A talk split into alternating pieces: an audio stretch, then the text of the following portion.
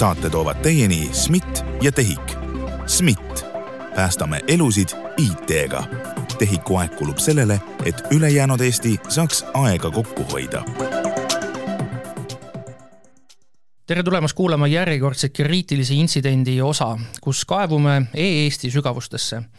uurima, puurime, et kuidas meie suurt e-Eestit äh, töös hoitakse, kes on need inimesed kogu selle suure kaadervärgi taga ja kes on ka need ettevõtted ja asutused selle taga täna aitab äh, meil äh, e-Eestit lahti mõtestada Riigi Infokommunikatsiooni Sihtasutuse ehk RIKS-i juhataja Sven Heil, tere! tere! ja mina olen saatejuht Roland Liive räägime esmalt sellest, sellest, et mis asi see RIKS on, et väga paljud, äh, ma arvan, et jah, ma ei liialda, kui ma ütlen, et väga paljud ei tea, et mis asi see RIKS on? Äh, RIKS äh, loodi aastal kaks tuhat, see pandi kunagi kokku merevalvekeskusest ja valitsussidest. Ja nüüd siis valitsusside oli siis see, mis siis nõukaajal, kus asus KGB sideosakond ja tänaseks äh, on siis äh, valitsusside ja pereside juba aastal kaks tuhat kokku pandud, ehk siis üle kahekümne aasta on siis ähm, RIKS toimetanud, mis äh, ja tema peamine,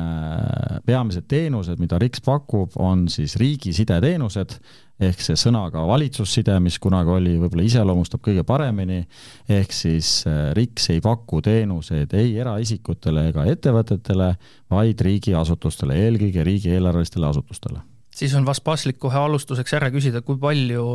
on selliseid äh, asju või selliseid äh, küsimusi, millele te suure tõenäosusega täna üldse vastata ei saa. sest kui te ütlete, et te ei tee midagi nii-öelda avalikkuse jaoks, siis ma kujutan ette, kõik on nagu nii, nagu mainisite, kunagi oli KGB, ma loodan, et enam ei ole sellest midagi alles jäänud, et, et kõik on vist väga salajane, mida te teete kõik ei ole salajane, et äh, nii nagu väga paljud riigiasutused, alates äh, Välisluureametite juhtidest ja väga paljudest asutustest ju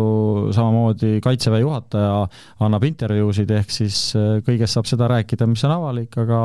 aga loomulikult jah, alates Euroopa Liidu nõuetest ja normidest on, on lihtsalt teatud materjalid, mis lähevad teenuste kas arhitektuuri poole peale või teenuste detailsemate kirjelduste peale, siis jah, need ei ole avalikud, aga, aga see, et, et kuhu Euroopa Liidu investeeringuid ja rahasid ja Eesti maksumaksja raha pannakse siis, et, et mõistmaks seda, siis kindlasti nendest teenustest, miks neid tehakse ja miks neid vaja on, et sellest saab kindlasti rääkida. Üks asi, see põhituum, millest me siis täna räägime, ongi kogu see riigiside, mis teie alla siis kuulub, aga kas see meresideteenus, mida te pakute, kas see on ka siis riigiside osa või see on nii-öelda teine asi, selle kõrval? RIKS äh, oli eestvedaja riigiside kontseptsioonil äh, nüüd äh, circa neli-viis aastat tagasi ja selle kontseptsiooniga on siis täna riigis põhimõtteliselt kokku lepitud, et riigiside alla loetakse täna operatiivraadioside, turvaline lauatelefon, turvaline mobiiltelefoniside, mereside, satelliitside, elanikkonna ohuteavitus, ja täna juba räägitakse Euroopas ka kvantsidest alustame meresidest, kuna seda ma mainisin esimesena, et mis siis see osa on, mida RIK sealt teeb? mereside on, on igas riigis, ehk siis äh, meresidet on vajalik selleks, et ükskõik, kes äh, läheb merele, on see eraisik oma kaatriga või purjekaga või on see äh, politsei äh, oma kaatritega või ka näiteks äh, militaarüksused, siis kasutatakse merel meresidet, sellepärast et mobiilside ei levi igal pool merel ja, ja mereside on ehitatud, üles ehitatud ja meresideseadmed, mis on ju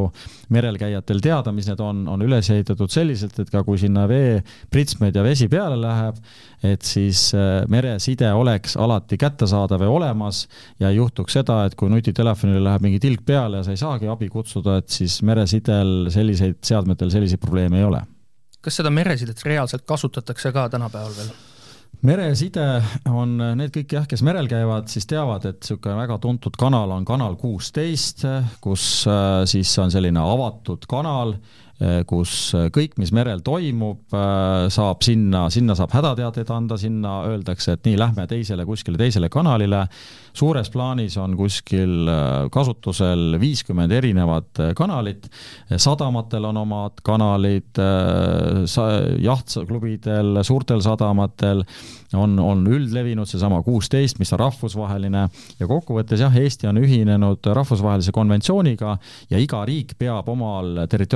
territoriaalvetes seda tagama selleks, et siis äh, mereliiklus oleks, oleks ohutu ja, ja, ja turvaline ja ehk siis, kui mõni alus tuleb Eesti vetesse, kellel on mingine vajadus teisele alusele midagi edastada, siis ongi see mereside lahendus on see, mis on RIKS-i poolt tehtud, mida nad kasutavad selle jaoks. jah, RIKS, RIKS pakub, RIKS on üles ehitanud äh, tugimastid äh, Eesti rannikule ja nende, nende rannikul siis nende mastide kaudu on see leviala Eesti territoriaalvetes igal pool olemas ja see tähendabki seda jah, et ükskõik, kas on välismaa alus, Eesti alus, äh, see side on merel olemas nende kanalite, nende seadmetega, mida merel käijad teavad kas see side on olemas kakskümmend neli seitse või on seal mingeid selliseid olukordi, kus vahepeal kaob ära? Kindlasti tuleb öelda, et mereside on just nimelt ka selles mõttes kriitiline side ja kindlasti riigiside, et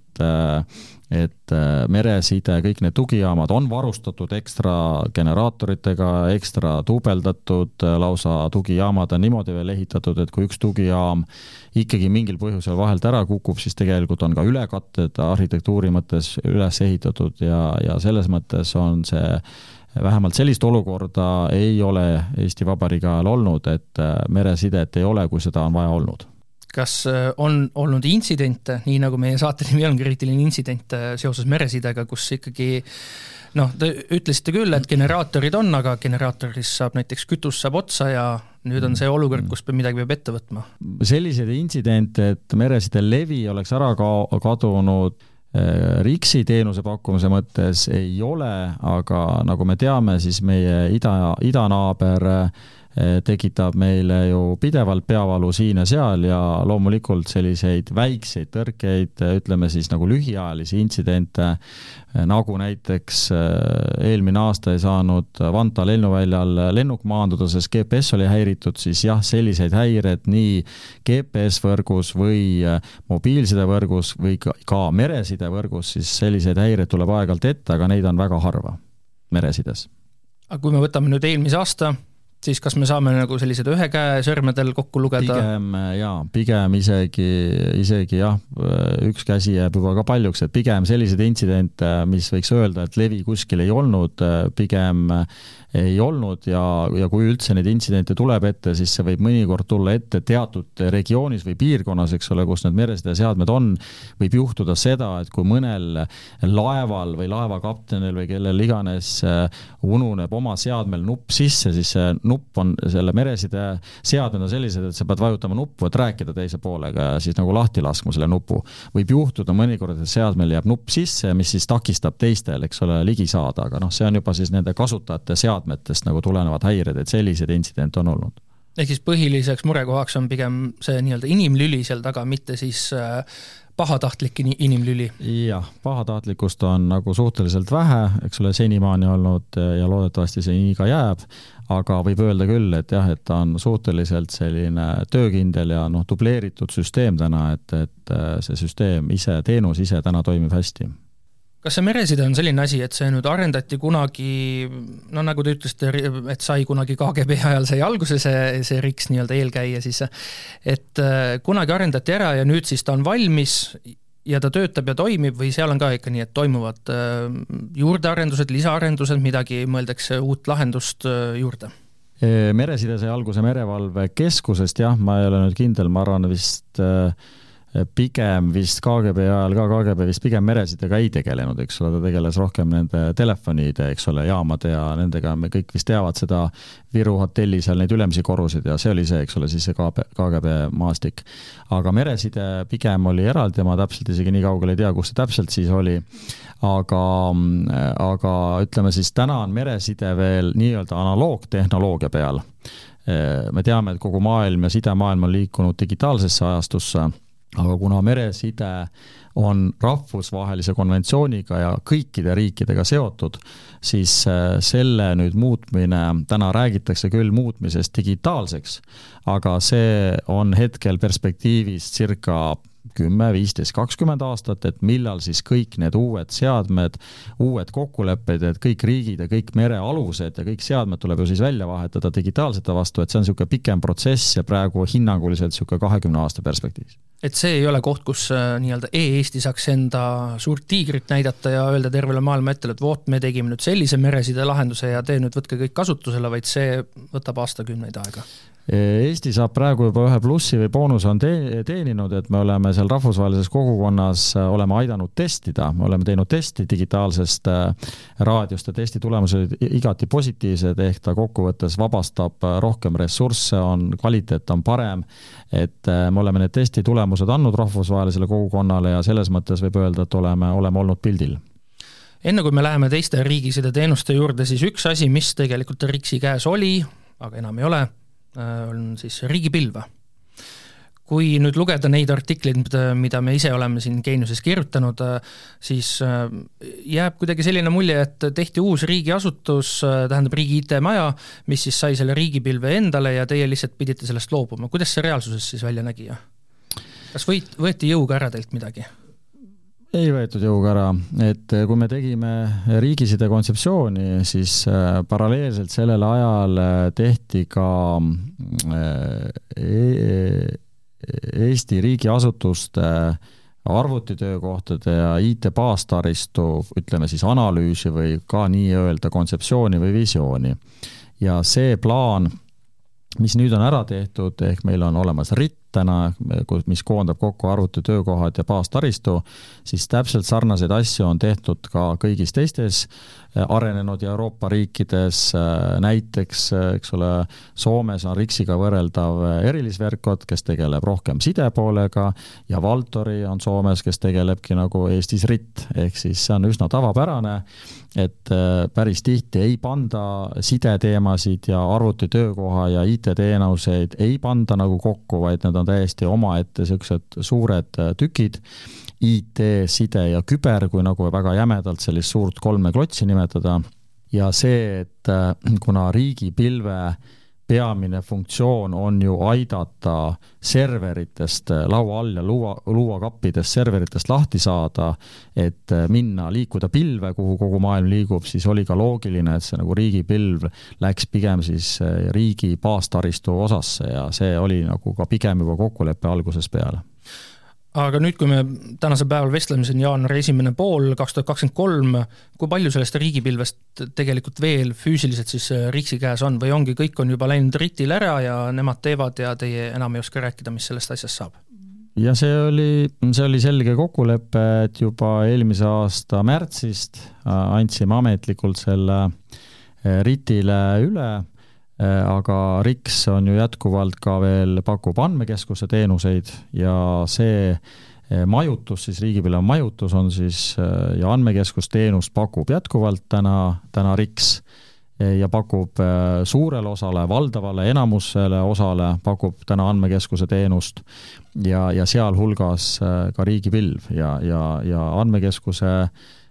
visioonid ja, ja plaanid on samamoodi täna, täna laual, et ka kuidas, kuidas ka nende arengutega edasi minna ajan nüüd natukene jutu veelgi keerulisemaks, meil siin peaminister äh, räägib tihti küll nii-öelda eraisikutele, et olge valmis selleks, et võivad elektrikatkestused tulla, aga kui te just rääkisite, et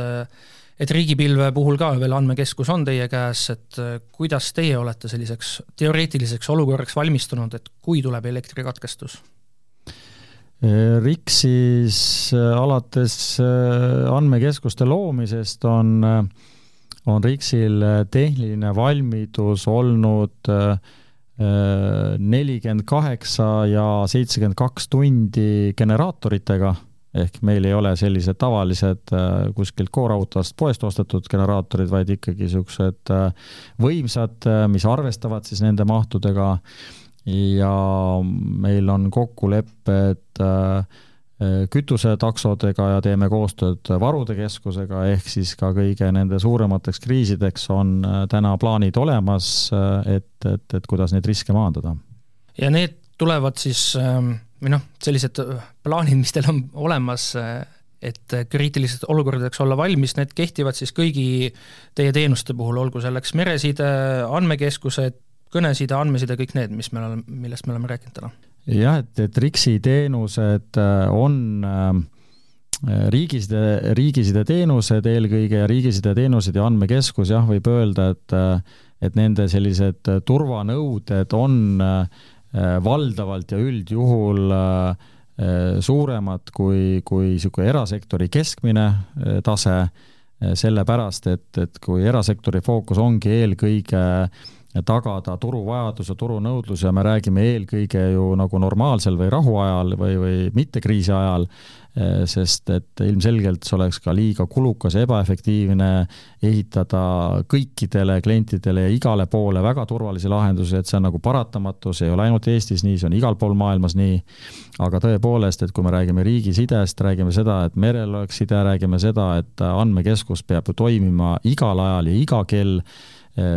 mitte äh, ka siis, kui erasektor näiteks ütleb, et nüüd on force majeure, et me nüüd enam, eks ole, hanged on nii kõrged, et äh, meie tehnik ei mahu kuskilt enam põõsastest läbi, eks, et siis riigiside ja päästjad ja, ja, ja, ja kõik need, kes elanikele või ettevõtetele appi lähevad, siis ju nendel peab side toimima iga ilmaga. ja ka siis, kui ei ole enam rahuaeg. ja ka siis, kui ei ole rahuaeg, ehk siis ka äh, riigisidet, siis riigisektoris nimetatakse ka, RIKS-i tegevust nimetatakse ka jätkuvalt tsiviiliks, kui me nüüd räägime militaarist, siis jah, ka see koostöö, et me teeme koostööd äh, Kaitseväe poolega ja Kaitseministeeriumiga selles osas, et äh, et, äh, et ka nemad saaksid võimalikult palju ära kasutada ka seda, mida siis riigi nii-öelda tsiviilpool või, või riigiside pool üles ehitab kui nüüd äh, tekib selline olukord, et äh, enam ei ole rahuaeg ja meil tõesti ikkagi politsei, pääste, kiirabi soovivad ka oma tööd jätkata, siis teil on sahtlis olemas see plaan, et äh, kuidas kõike oma taristut töös hoida? kui me nüüd räägime ka tõesti kiirabist, politseist ja päästjatest, siis täna on selleks olemas operatiivraadioside, mille omanik on täna SMIT ehk Siseministeeriumi juures olev IT-maja ja meie teeme täna tugevat äh, koostööd äh, SMIT-iga, meie pakumegi omalt poolt siis jah, sellist äh, nii-öelda hooldust, teenust ja, ja, ja keskjaama haldust. Ja, ja siis meil on nagu vastavad siis kokkulepped, nii-öelda teenus, teenuslepingud, teenustingimused ja ja kui me räägimegi ka siin viimastest suurematest kriisidest, oli see Lõuna-Eesti torm, mingid eh, aeg tagasi, eh, kui me räägime Saaremaa juhtumitest, siis operatiivraadioside on olnud pidevalt püsti, aga, aga ka siis ja seal, kus näiteks, näiteks Lõuna-Eesti tormi puhul, kui kui erasektori sidet ei olnud, et, et seetõttu on jah oluline, et ju päästjad, politsei peavad ju igal ajal saama suhelda, vastasel korral ei ole võimalik ju koordineerida, organiseerida seda, et, et jälle saa taastada normaalne olukord. kas see, millest praegu just sai räägitud, kannab lühendit Ester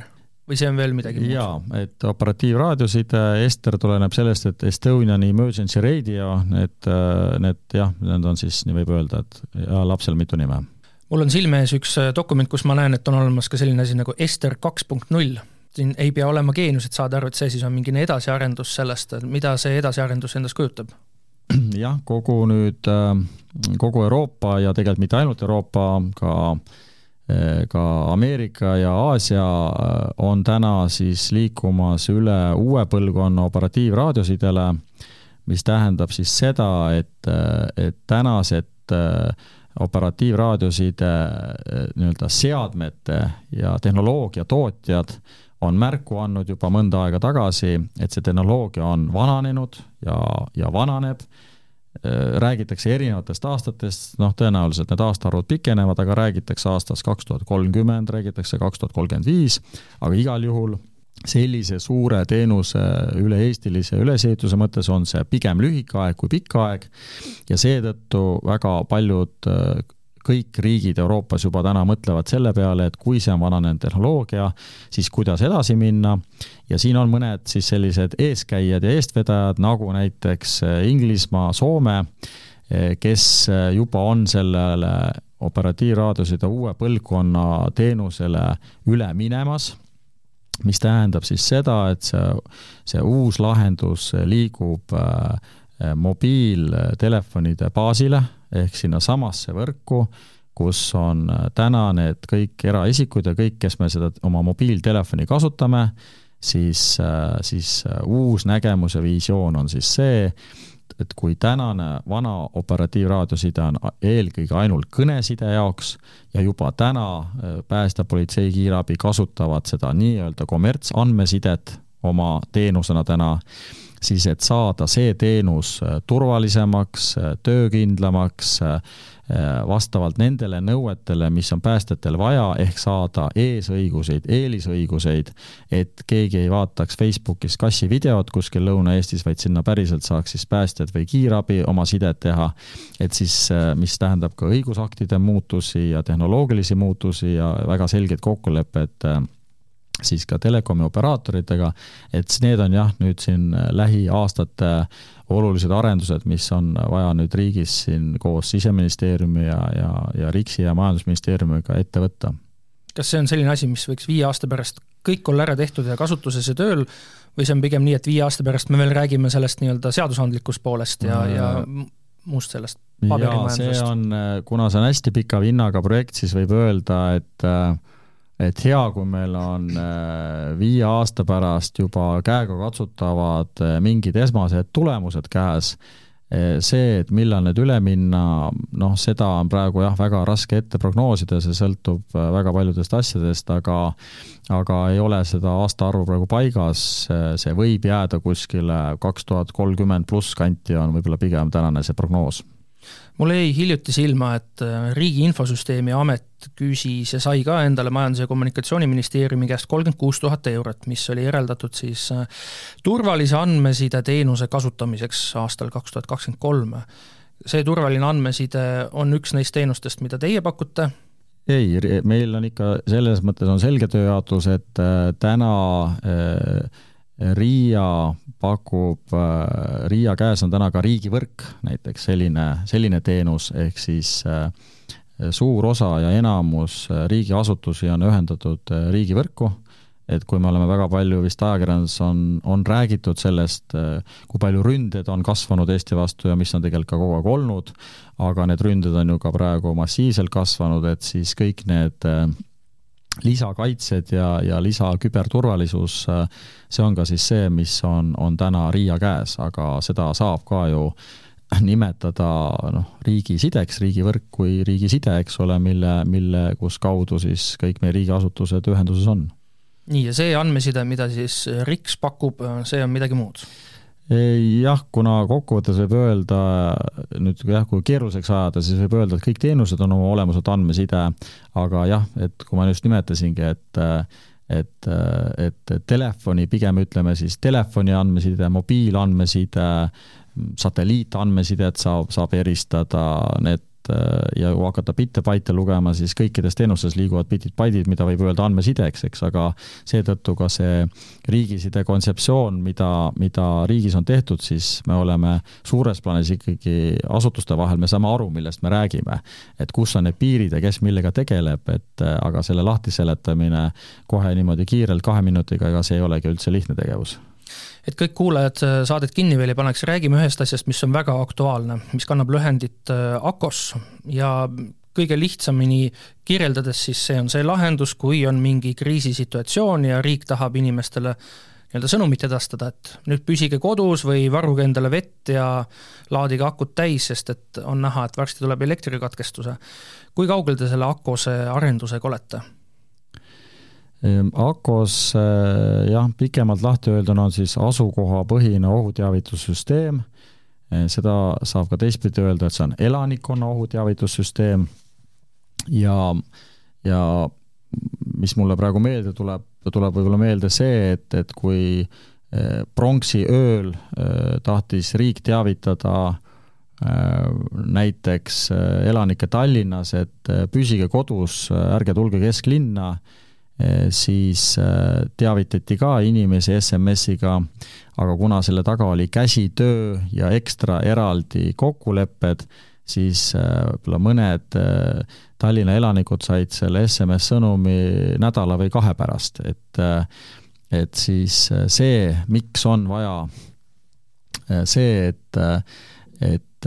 et vähemalt kolmesaja tuhandele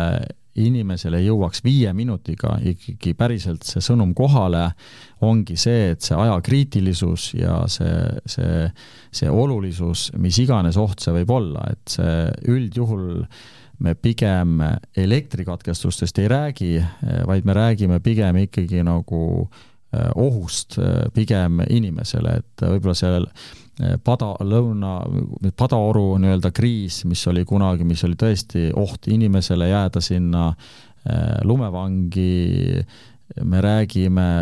kiirgusohust, eh, me räägime mm, sellest ohust, terrorismi ohust, et, et, et me räägime sellistest ikkagi reaalsetest ohtudest, kus äh,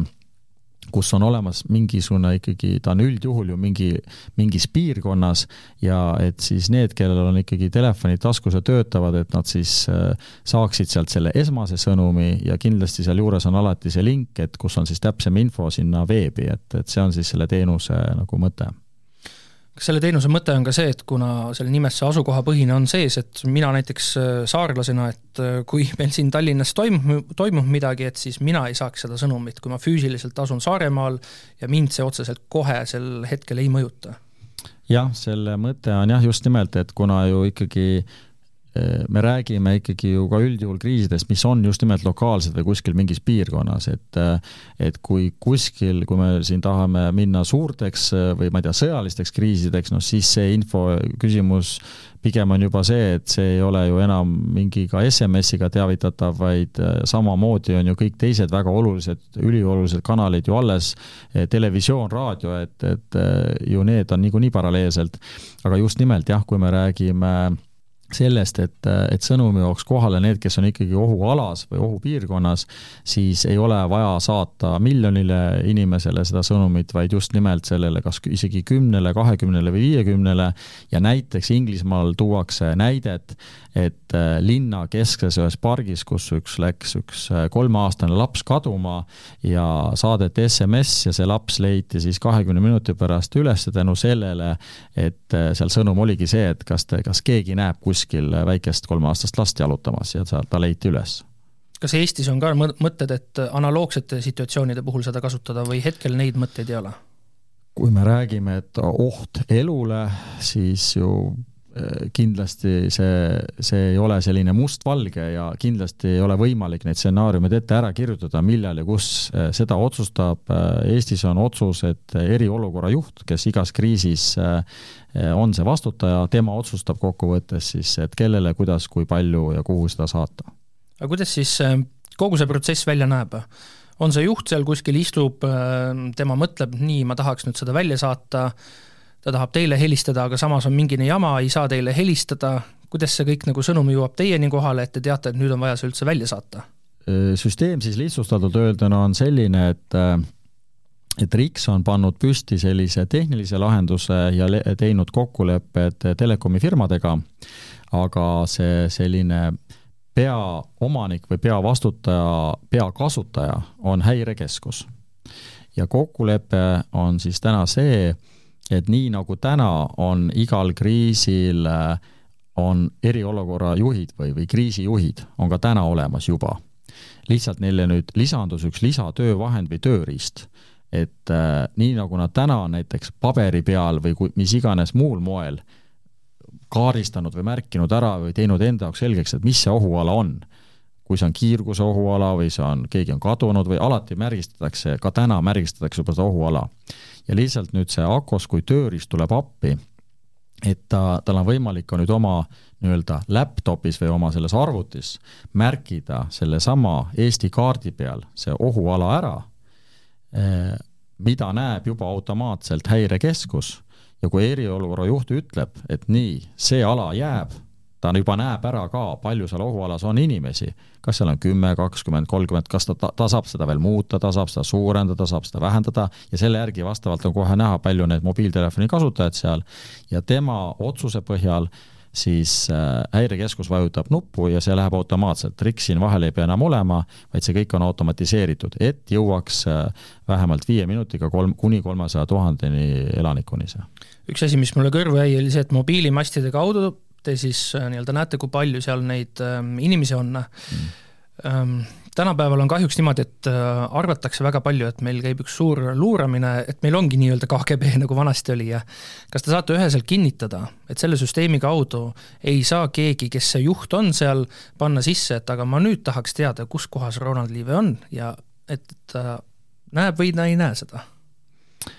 see on lahendatud jah, sellega just, et, et kuna nüüd see kliendi andmed, mis on täna kõikidel nendel telekomi operaatoritel olemas, siis see on lahendatudki sellega, et need ka on sinna jäänud, ehk on ühed siis, ühed kastid, ühed arvutikastid, mis on siis äh, telekomi operaatorite juures ja see, et kui on näha, et seal on kümme või kakskümmend äh, kasutajat, siis see kõik on anonüümne, et, äh, et ei ole näha, kes seal täpselt taga on, ei ole näha ei telefoninumbrit, ei ole näha isegi selle seadme email koodi, midagi ei ole näha, on näha lihtsalt, et seal on üks kasutaja. ja, ja, ja on näha ka see, et kas ta on välismaalt tulnud, et kas ta on välismaalane et teada seda, et kas teil inglise keeles peab, kui palju peab olema sõnumit saata, või ta on nii-öelda Eesti, Eesti telekomi operaatori klient. ja sellise süsteemi kaudu tegelikult on kohene ülevaade ka sellest olemas, kui palju välismaalasi Eestis asub? selle süsteemi kaudu saaks ka tegelikult seda teada, aga see, see süsteem ei ehitatud selleks eelkõige, vaid see ehitati eelkõige ohuteavituseks. ja pluss see ohuteavitus võimaldab ka siis äh, saata ohut, ohuteavitus ka välismaale, ehk kui äh, näiteks me juba teame, et äh, on see Inglismaal või Ameerikas kuskil on, on tekkinud mingi oht riigis, ja meil on Eesti puhkajad, turistid või kes iganes seal parasjagu satuvad olema siis on nüüd ka võimalus äh, saata äh, Eestis olevate telekomi operaatorite klientidele see ohuteavitus ka sinna välismaale ehk siis, kui keegi on puhkusreisil, on nii-öelda roaming uga, on selles välisriigi võrgus, sellest hoolimata ta saab selle sõnumi või tähendab, mitte siis sellest hoolimata, vaid sellest tulenevalt ta saabki selle sõnumi kätte, et nüüd kuskil midagi tema ümbruses toimus ja juhtus. ütleme siis jah, et välismaal see ei ole asukohapõhine, välismaal on see riigipõhine aga, aga jah, et nüüd on jälle ka lisatööriist võimalus teavitada välismaal olevaid kliente selle SMS-i kaudu ja selle võimalus on ka saada, SMS-il on see suur väärtus, et on võimalus ka sealt ju tagasisidet saada, tagasisidet kirjutada sinnasama SMS-ile vastates. mis iganes, kui on ka vajadus kuidagi reageerida või, või, või kui on ka konkreetne küsimus seal, eks ole, riigi poolt, et, et saada aru, eks ole, kas keegi vajab abi, ei vaja abi, et sealt, see on oma, omamoodi suhtluskanal aga kuidas neile sõnumitele, et kui keegi nüüd otsustab tõesti, toimub mingi sündmus, me loomulikult keegi ei taha, et kuskil midagi halba toimuks, kahjuks maailm ei ole ideaalne, ja nüüd inimene, eestlane, kes on läinud kuskile välismaale, annab selle sõnumiga tagasisidet, ütleb, et minuga ei ole kõik korras, et ma olen nüüd näiteks, olen, olengi haiglas ja ma vajan mingit abi ja kes on see inimene ja kus kohas siis, kes seda sõnumit loeb ja kuidas sellega hakatakse edasi tegelema? kuna peakasutaja on häirekeskus, siis häirekeskus loeb ja nii nagu täna on just nimelt eriolukorra juht või keegi oli see tellija, keegi otsustas, et läheb see sõnum ja kui keegi ka küsib seda tagasisidet, siis seesama, see, kes seda küsis, siis tema vastutus, et talle see info tagasi tulebki. aga selle tagasiside andmine, kas kuskil läheb punane lipukene püsti, et näed, keegi vastaski meile, saatiski sõnumi ja nüüd palun vaata siia jaa, see on juba läbi mõeldud ja kui me ka juba testisime seda süsteemi, siis me testisime mitte ainult seda tehniliselt palju kohale jõudis sõnumeid, vaid me testisime ka seda, et kui palju vastati ja kuidas vastati ja mismoodi vastati ja ka see on ära testitud juba. kas on ära testitud ka see, et keegi pahalane ei hakka süsteemi kuritarvitama, et lihtsalt saatma niisama sõnumeid ja siis selle läbi tõmbab selle süsteemi maha? Alati võib olla pahalasi, alati, alati võib äh, ju juhtuda seda, et keegi saadab, eks ole, sarnase mingi sõnumi alt midagi, aga aga noh, see on nüüd nagu sarnane kõigi muude e-kirjade ja, ja muude sõnumitega, mida juba täna, eks ole, nii või naapidi on, et et kui ta nüüd päriselt selle süsteemi kaudu peaks saatma, no siis ta peaks olema süsteemi sisse häkkinud. jaa, aga ma mõtlen just seda poolt, et et keegi teab, et Eestil on nüüd selline süsteem on loodud, ta tuleb siia Eestisse, võtab omale Eesti SIM-kaardi ja siis ta teab, et see telefoninumber, kus see sõnum võib tulla, on ma ei tea, üks, üks, kaks näiteks, see on suvaline näide, ma ei tea tegelikult, mis see number on, ja siis ta lihtsalt iga sekund saadab sinna sõnumeid, mingi täiesti suvalise sisuga kas või, aga see ikkagi ju koormab äh, seda süsteemi. või siis ta on veel nutikam, potentsiaalne ründaja on mõelnud välja mingi see nii-öelda skripti, mille ta saadab sõnumi näol ja see midagi aktiveerib süsteemis, et kas sellise teoreetilise ohu peale on mõeldud? Jaa, kindlasti on mõeldud, kindlasti ka see, kõik see testimise protseduur andis meile uusi sisendeid, et kuidas seda kuidas neid riske maandada, loomulikult eh, selliseks ohuks me ei saagi lõpuni ette ära öelda, et kuidas, eh, mis see tegelikult, eks ole, siis toimub või kuidas me vastu peame, aga ette ära öelduna, et et EE alarm on tegelikult see, kus eestimaalased selle, mis, mis teavituse nad saavad või kellelt, et siis selle, selle, selle nimi on EE alarm et mingit sellist äh, nii-öelda numbrit üks, kaks, kolm, neli, viis, sellist ei ole, vaid äh, ongi lihtsalt see e-alarm on see, kes saadab, jah, ja see tuleb Häirekeskuse kaudu. ehk siis inimene päris ise oma telefoni kätte võttes, ta ei saa ju saata sõnumit, minu teada ei saa, sõnumit saab saata ainult numbritele, ma ei saa kirjutada sinna sisse e-e-alarm, ehk siis sellist nagu jada ise algatada ei saa niisama. See noh, profid leiavad alati ja tipphäkkerid leiavad alati need võimalused, eks, aga, aga põhimõtteliselt on tehtud jah, selles mõttes lihtsaks, et kui lihtsalt sellele vastata, siis tavainimene saab sinna vastata, aga, aga kindlasti jah, kindlasti siin on võimalus veel paremini läbi mõelda seda, et, et kuidas nende häkkerite vastu saada, aga aga ega siis äh, selle koha pealt, eks see võidujooks käib pidevalt räägime testperioodist, mis kestis kahekümne kaheksandast novembrist kuni kümnenda detsembrini kaks tuhat kakskümmend kaks, kui te seda Akos testisite. korra te mainisite ära, et, et testperioodil te just vaatasite ka, kuidas inimesed vastavad, mis see nende see sõnumite sisu on ja kõike seda, aga sellist statistikat, kui palju neid sõnumeid välja saadeti, kui palju kohale jõudis, kui palju inimesi üldse selles testis osales? testiti selliselt, et kutsuti siis vabatahtlikke osalema, saadet saadetigi neile kutseid laiali ja üllatav oli see, et reageeriski lausa üle kuue tuhande inimese, et reaalsene test toimus siis äh, üle kuue tuhande kasutajaga, see täpsem number oli seal kuskil kuus tuhat kakssada. Ja võib öelda, et see testimine oli selles mõttes väga edukas, et et vähemalt äh, tehniliste viperuste taha esmased analüüsid ei ole tuvastanud, et tehnika taha oleks midagi jäänud, need kuus tuhat kakssada jõudsid suures plaanis kõigile kohale, kuskil kahesajale nad ei jõudnud kohale sellepärast, et et suurem osa neist olid välismaal, eesmärk ei olnud hetkel välismaale saata, eesmärk oligi, testijatega oli kokkulepe, et see toimub Eestis, see testimine, ja ka mingid ebaõnnestumised, mida oli seal kuskil siis äh,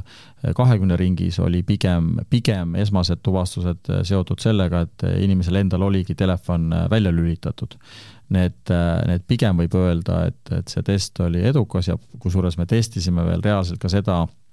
et kui paljud inimesed vastavad midagi veel just nimelt tagasisidet annavad, siis väga positiivne oli see, et keskmiselt seitsekümmend viis protsenti veel vastasid tagasi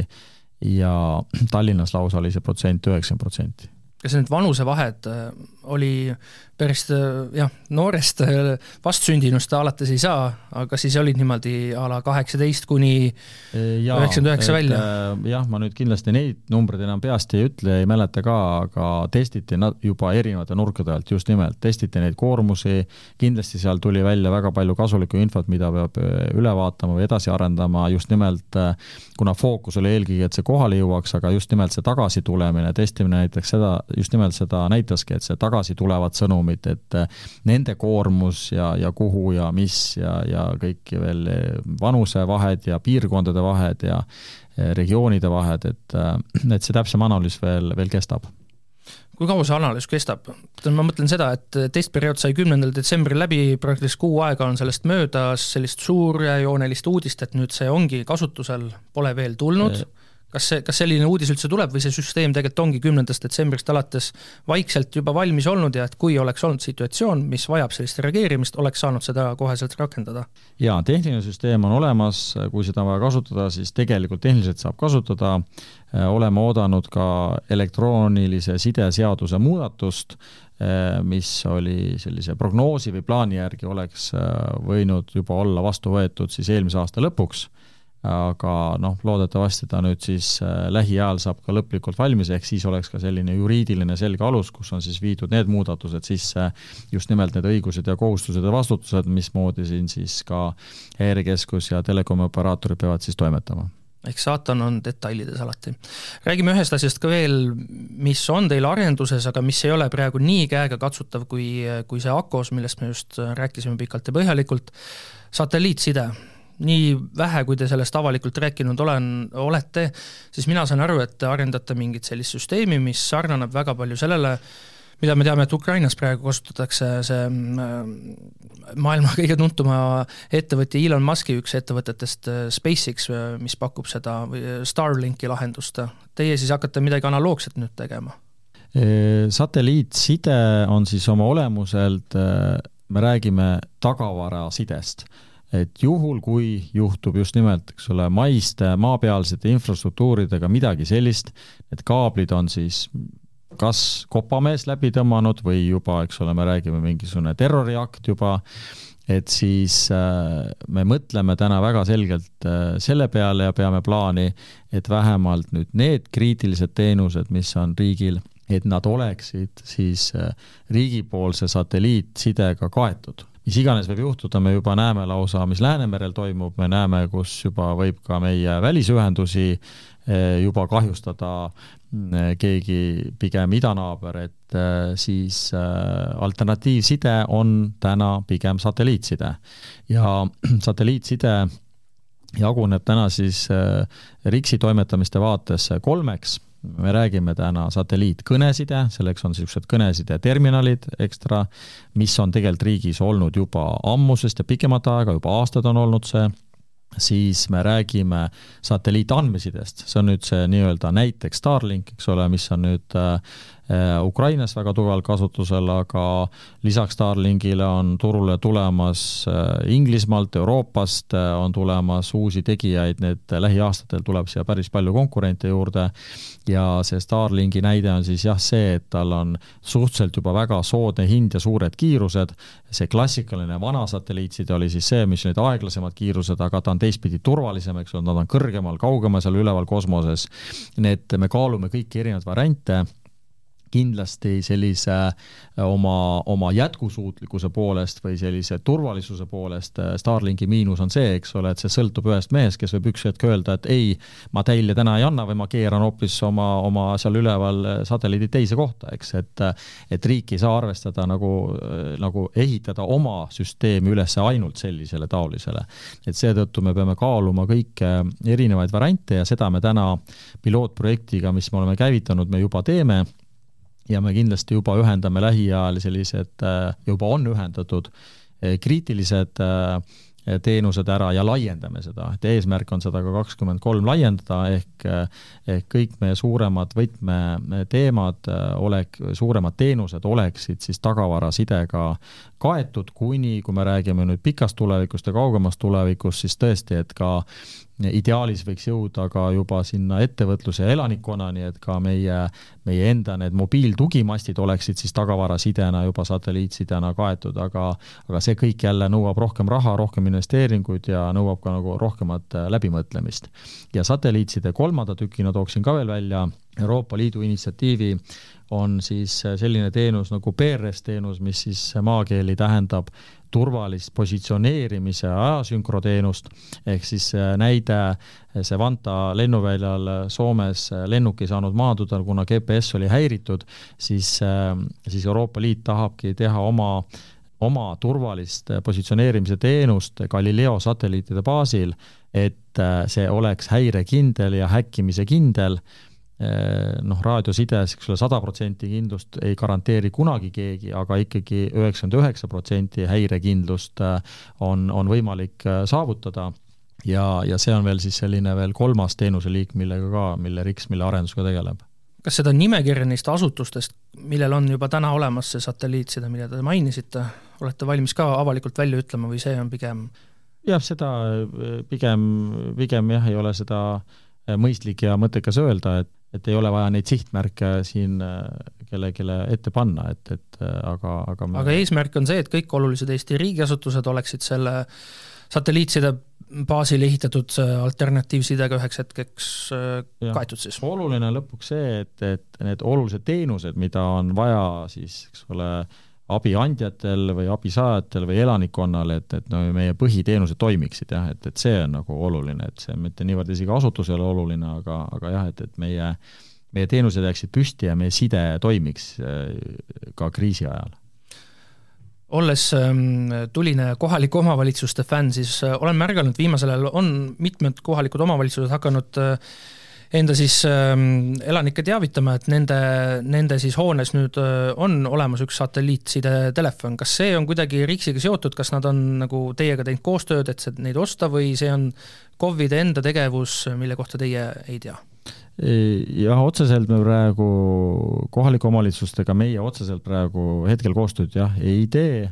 aga, aga kindlasti nii nagu kohalikel omavalitsustel on ju ka kohustus äh, ju kuidagi hakkama saada ja toimetada kriisi ajal, siis nii nagu paljudel teistel elutähtsate teenuste osutajatel, et siis äh, ma arvan, see on kindlasti hea initsiatiiv ja, ja see näitab vast võib-olla seda, et ongi, on tekkinud parem arusaam, et, et, et tõesti, kui sul kriisi ajal sidet ei ole, siis on oluline, et igaüks mõtleks selle peale, et mis see alternatiivside on või mis see tagavaraside on, aga, aga aga me kahjuks jah, ütleme, et prioriteetsuse mõttes me ei saa ju täna öelda seda, et, et prioriteet üks oleks kõikidele kohalikele omavalitsustele, vaid noh, kui me räägime kesksetest teenustest ja ma ei tea, alates elanikkonna registrist ja, ja seda tüüpi, eks ole, teenustest, siis me peame ju aru saama, et need on ju kokkuvõttes kõigile meile vajalikud. Üks asi, mille kohta ma eeldan, et väga vähe on rääkida, kuna see on alles veel lapse kingades, on kvantside. kui kaugel te selle teemaga olete, see on teil ära mainitud, et see on nii-öelda üks, üks teie fookustest. Kvantside on siis ka nüüd äh, taas Euroopa Komisjoni initsiatiiv ja tänaseks on äh, käivitatud kvantside äh, projekt Euroopas, see on avalik info, kvantside kui sellist äh, nagu ei ole sertifitseeritud ei toimi kui lõpliku teenusena, ta on pigem seni olnud ja on jätkuvalt osaliselt laboris ja testimistel, aga selle projektiga ja just nimelt ta on rohkem siis siiamaani olnud innovatsiooniprojekt millega on ühinenud kõik kakskümmend seitse Euroopa Liidu riiki, sealhulgas Eesti,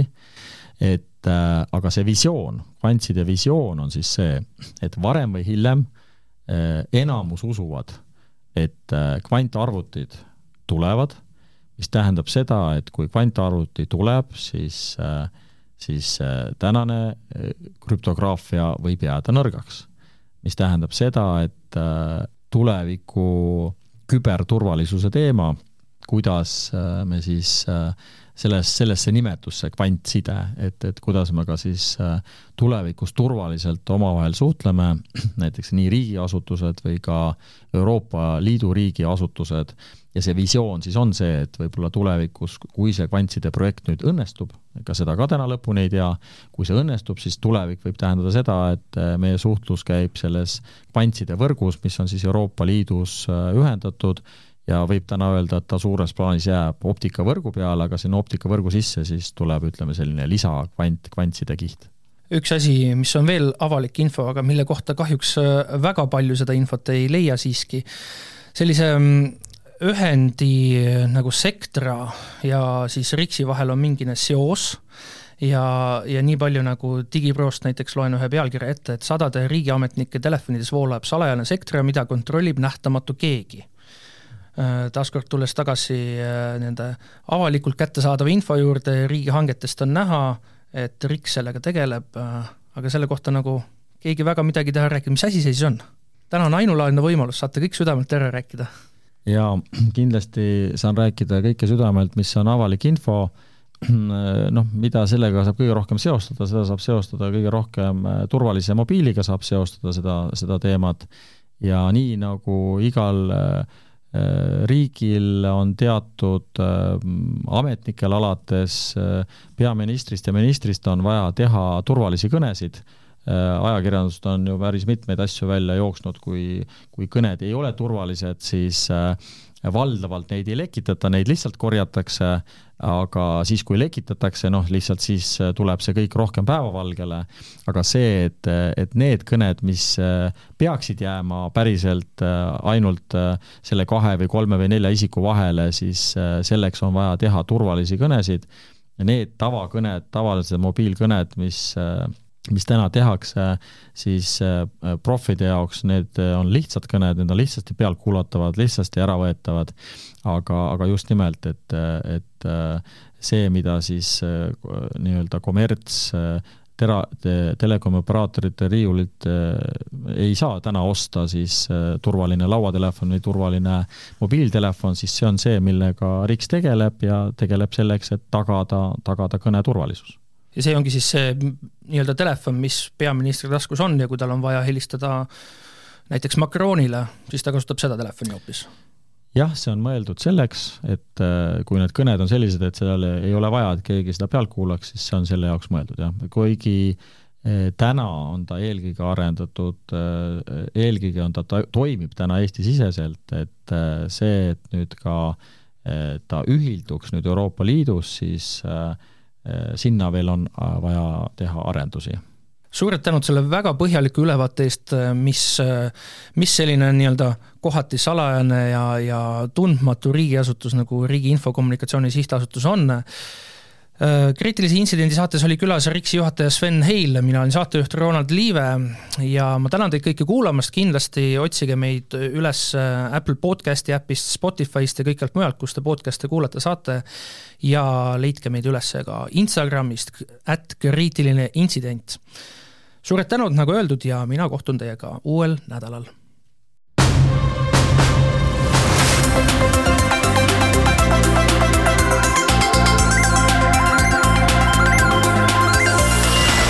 Saate toovad teieni SMIT ja TEHIK. SMIT, päästame elusid IT-ga. TEHIK-u aeg kulub sellele, et ülejäänud Eesti saaks aega kokku hoida